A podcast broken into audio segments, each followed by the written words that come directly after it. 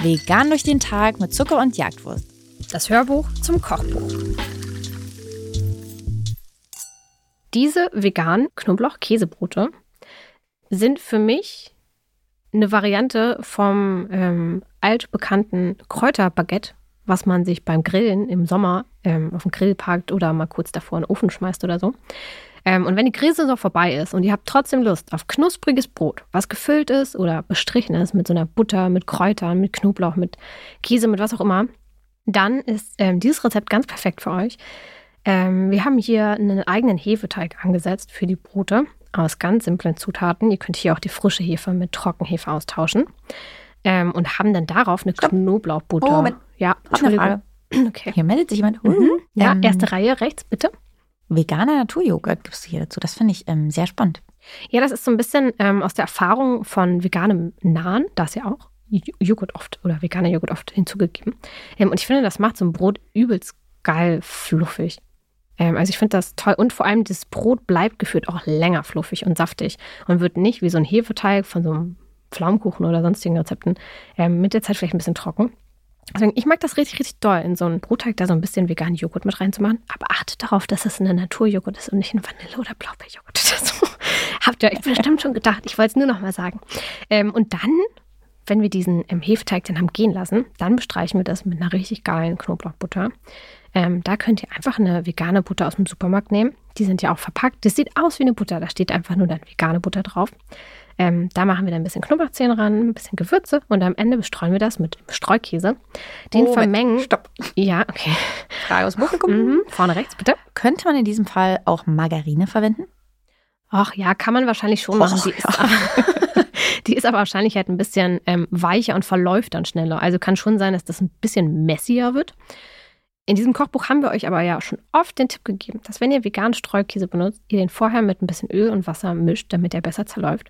Da wir diesen Streukäse aber auf eine Butterschicht streuen, sparen wir uns diesen Schritt, weil schon genug Fett vorhanden ist.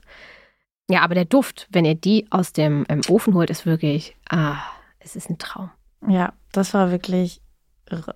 Ja, es riecht nach Kräuterbutter. Knoblauch riecht nach so Brot. gut. Mm. Wir können auch an dieser Stelle auch nochmal sagen, vielleicht äh, reichen wir da mal eine Petition ein im Bundestag. Ähm, man sollte mal aufhören, eine Knoblauchfahne als was Negatives zu sehen. Generell der Geruch von Knoblauch, es ist einfach, man weiß doch, Leute haben dann, die haben was genossen, die haben sich richtig gegönnt. Knoblauch ist einfach nichts, wofür man sich schämen sollte.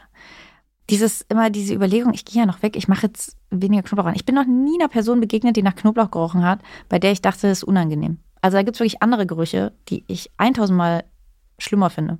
Welchen zum Beispiel? Sage ich jetzt nicht. nee, es ist eine Marke eines Getränks, eines Energy Drinks. Mm, mhm. Das ist, finde ich, einer der widerlichsten Gerüche. Mhm. Ein Grund, warum ich auch dieses Getränk nicht trinken könnte. Und Mhm. das gibt es eben dann oft bei Leuten, die dann abends weggehen. Und das, also das würde ich verbieten. Auch dafür reiche ich eine Petition. Alles klar. ähm, nee, aber für Knoblauch, finde ich, müsst ihr euch nicht schämen. Natürlich, wenn es euch unangenehm ist, ist es eine andere Sache. Aber ich finde ähm, wirklich, das, ist- also ich habe das noch nicht erlebt. Ich finde, macht da, ballert Knoblauch an alles ran, wenn ihr das gern möchtet. Aber macht es nicht, nicht, weil ihr denkt, dass andere Leute davon gestresst wären. das war ein toller, ein toller, Ich schwieriger muss Satz das mit dem. Text nochmal überlegen von meiner Petition, nicht, dass die niemand versteht. Ach, aber jedenfalls, diese ähm, Knoblauchkäsebrote sind auf jeden Fall eine tolle Idee, wenn ihr zum Beispiel Gäste bekommt und ihr macht einen Filmabend und ihr wollt irgendein ähm, Serienfinale angucken oder irgendwas im Fernsehen läuft, was besonders ist. Dann könnt ihr nämlich diesen ähm, Hefeteig hinstellen und in der Zeit, wo der Hefeteig geht, könnt ihr dann schon mal die Bude aufräumen, könnt alle Snacks bereitstellen, schon mal die Getränke bereitstellen, könnt euch schick machen für eure Gäste, für eure Gästinnen. Ähm, und dann beschmiert ihr das nur noch kurz, schiebt es in den Ofen, dann backt es ja auch nur so 20 Minuten. Ähm, dann habt ihr erstens einen geilen Geruch in der Bude, wenn die Leute kommen. Also alle betreten schon eure Wohnung und sind auf jeden Fall, oh ja, hier. Nicht erst in der Wohnung. Meistens riecht es Oh, ja im sogar schon im Haus und du bist so, hoffentlich ist das Das ist- aus der ja. Wohnung, in die ich jetzt gleich gehe. Ja, es ist ein Lockmittel. Eigentlich sind diese Brote ein kleines Lockmittel für die Leute. Genau, also ihr könnt das sehr gut vorbereiten. Ähm, es dauert dann auch nicht lange. Ähm, also es ist wirklich ein ganz herrliches ähm, Rezept. Und es ist ein bisschen kreativer, als wenn ihr einfach nur so ähm, Fertigbrötchen, so Fertigpizzabrötchen oder irgend sowas holt.